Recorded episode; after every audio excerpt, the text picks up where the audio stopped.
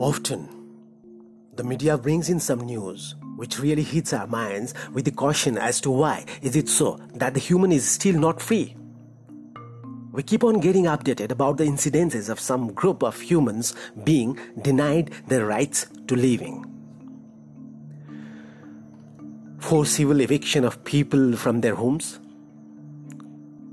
contamination of water with waste from state owned or private establishments, minimum wages sufficient for a decent living is not being ensured to the certain group of workers, schools segregating children with disabilities from mainstream students, use of minority or indigenous languages being banned, use of internet being banned in some areas. These are the cases of gross violation of basic, essential, fundamental rights entitled to the people. Such cases are known as the cases of violation of human rights. The entire globe today faces the huge challenge of protecting the basic rights of human. Unless the fundamental rights are ensured, the absolute human development will be at stake. How did the concept of human rights evolve then? Ancient peoples did not have the same modern day conception of human rights. The true forerunner of human rights discourse was the concept of natural rights, which appeared as part of the medieval natural law tradition that became prominent during the European Enlightenment. From this foundation, the modern human rights arguments emerged over the later half of the 20th century. The concept of human security is based on the recognition that all persons are subjects of dignity and rights. Throughout history, different schools of thought converged in the generation and evolution of the consciousness of human rights. The great upheavals produced by the two world wars led to the creation of the United Nations and to enactment of international laws to safeguard human rights beginning with the Universal Declaration of Human Rights of 1948. The belief that everyone, by virtue of her or his humanity, is entitled to certain human rights is fairly new. Its roots, however, lie in earlier tradition and documents of many cultures. It took the catalyst of World War II to propel human rights onto the globe and into the global conscience. While belief in the sanctity of human life has ancient precedents in many religions of the world, the foundations of modern human rights began during the era of Renaissance humanism in the early modern period. The European wars of religion and the civil wars of 17th century kingdom of England gave rise to the philosophy of liberalism and belief in natural rights became a central concern of European intellectual culture during the 18th century, age of enlightenment. These ideas lay at the core of the American and French revolutions which occurred toward the end of that century. Democratic evolution through the 19th century paved the path for the advent of universal suffrage in the 20th century. Two world wars led to the creation of the Universal Declaration of Human Rights. Now we'll be discussing what is human rights then. According to the United Nations, human rights are the rights inherent to all human beings, regardless of race, sex, nationality, ethnicity, language, religion, or any other status. Human rights include the right to life and liberty, freedom from slavery and torture, freedom of opinion, and expression, the right to work and education, and many more. Everyone is entitled to these rights without discrimination. Universal human rights are often expressed and guaranteed by law in the forms of treaties, customary international law, general principles, and other sources of international law. The Universal Declaration of Human Rights, UDHR, is a milestone document in the history of human rights. drafted by representatives with different legal and cultural backgrounds from all regions of the world. The declaration was proclaimed by the United Nations General Assembly in Paris on 10th of December 1948 by General Assembly Resolution 217A3 as a common standard of achievements for all peoples and all nations. It sets out for the first time fundamental human rights to be universally protected. Since its adoption in 1948, the UDHR has been translated into more than 500 languages, the most translated document in the world, and has inspired the constitution of many newly independent states and many new democracies.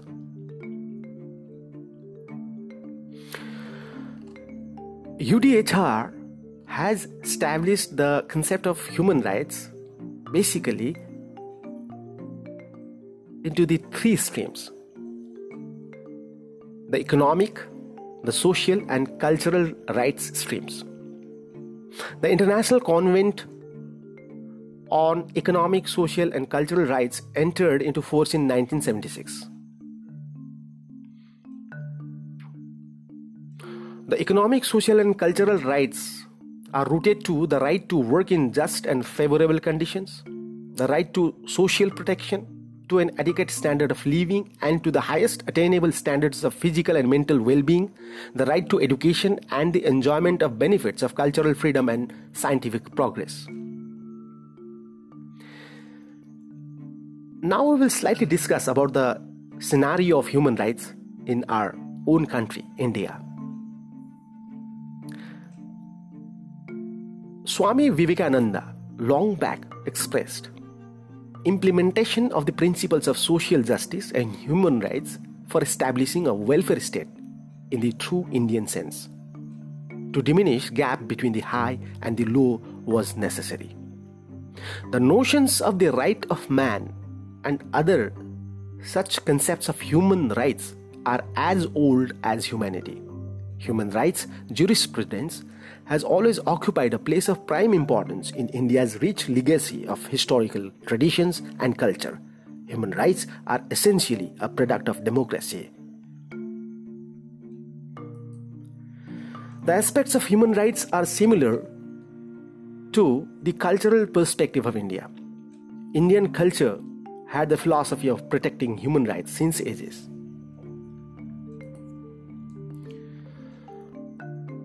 Human rights in India has got many dimensions and many issues. One of the dimensions of human rights in India is its larger size. Because of its large population, sometimes it becomes impossible for the Indian state to control the human rights violations. Widespread, widespread poverty, lack of proper education, diverse culture, these are some issues of human rights in India which are still lingering. Now, how the government of India, how the state of India has ensured the human rights to the common people, to the citizens of India we will see. The Constitution of India ensures the fundamental rights as right to equality, right to freedom, right against exploitation, right to freedom of religion, cultural and educational rights, right to constitutional remedies. Right to equality is mentioned in Article 14 to Article 18 of Constitution of India. Articles 19 till Article 22 deals with right to freedom. Article 23 to Article 24 of Constitution of India deals with right against exploitation. Article 25 to Article 28 of Constitution of India deals with right to freedom of religion whereas Article 29 to Article 30 deals with cultural and educational rights whereas Article 32 to Article 35 of the Constitution of India ensures the right to constitutional remedies. Fundamental rights, the basic and civil liberties of the people, are protected under the Charter of Rights contained in Part 3 of the Article 12 of the Constitution of India. These include individual rights common to most liberal democracies, such as equality before law, freedom of speech and expression, religious and cultural freedom and peaceful assembly, freedom to practice religion, and the right to constitutional remedies for the protection of civil rights by the means of writs. Fundamental rights apply universally to all citizens of India, irrespective of race, place of birth, religion, caste, or gender. The Indian Penal Code, IPC, and other laws prescribe punishments for the violation of these rights, subject to discretion of the judiciary. Apart from these, equality before laws is dealt in section Article 14. Abolition of untouchability is dealt in Article 17. Fundamental freedoms is dealt in Article 19. Protection against conviction, enhanced punishment under ex post facto law is dealt in Article 21 abolition of bonded labor is being dealt in by Article 23.1. Promotion of interests of weaker sections is dealt in by Article 46 of the Constitution of India. Now we will see what are the provisions there in the Criminal Procedure Code in the Indian judiciary system. Right against arbitrary or illegal arrest are dealt in by CPC. Right to be released on bail, section 50. Right against arbitrary or unreasonable searches and seizure, section 47, section 51, section 100. Protection against cruel or inhuman treatment during investigation, section 54 Detainees should have the right to a medical examination, section 53 and section 54. Women and children should not be taken to police stations for purposes of investigation, section 160.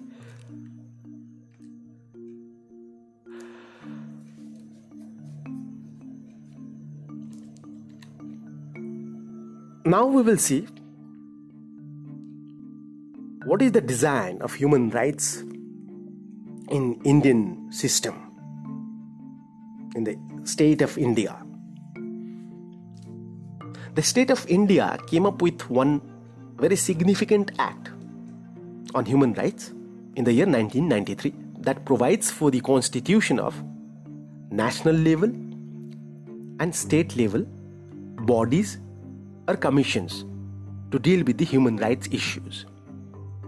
It even provides for the constitution of human rights courts for better protection of human rights.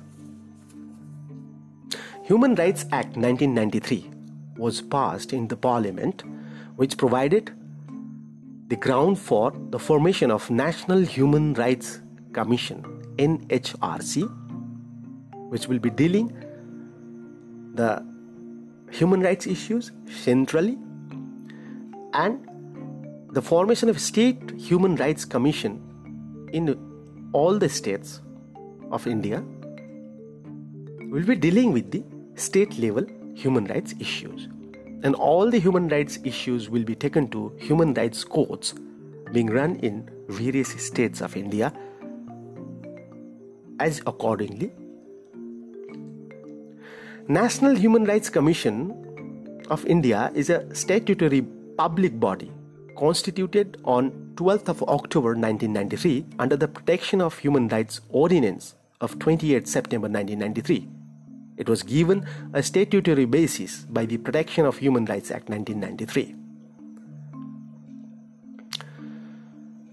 The 2016 report of Human Rights Watch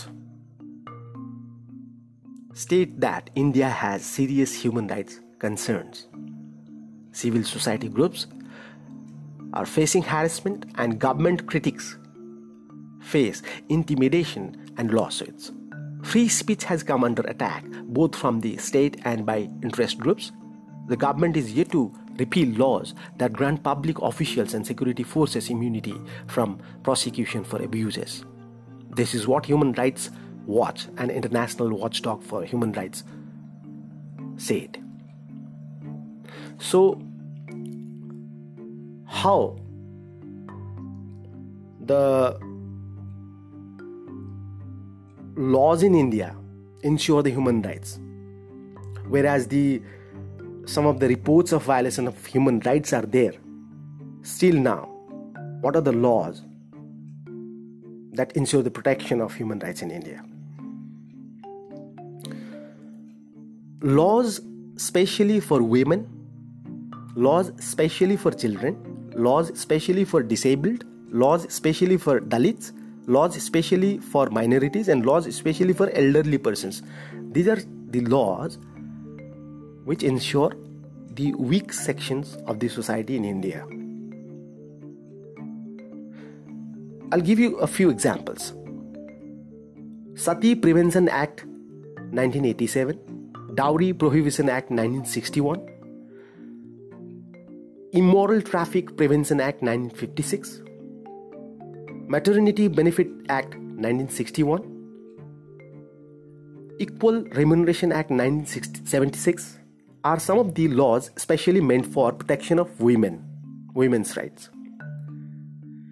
The Juvenile Justice Act 2000, the Child Marriage Restraint Act 1929, the Prohibition of Child Marriage Act 2006, the Infant Milk Substitutes Act 1992, are some of the laws which will be protecting the children's right in India.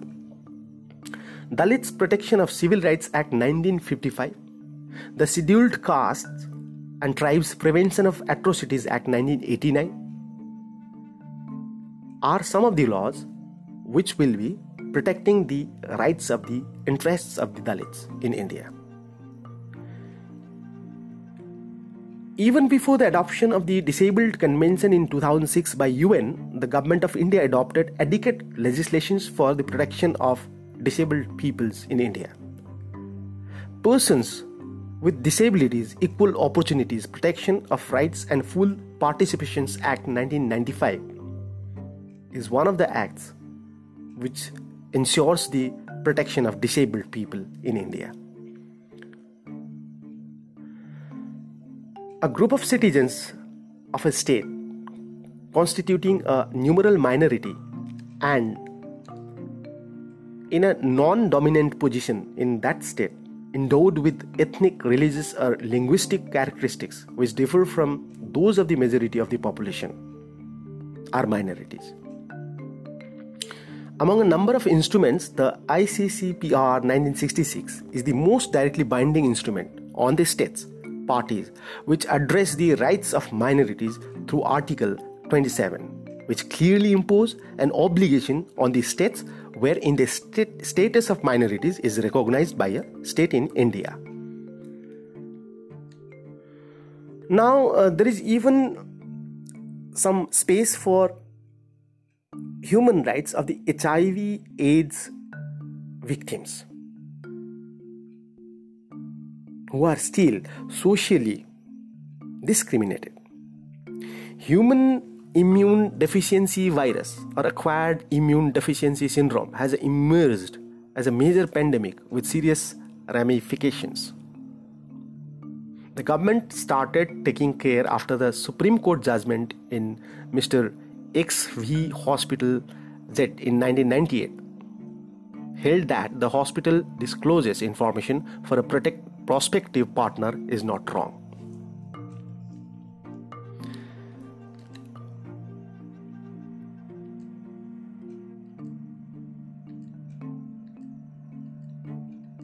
Now, uh, I'll come to the LGBT rights in India.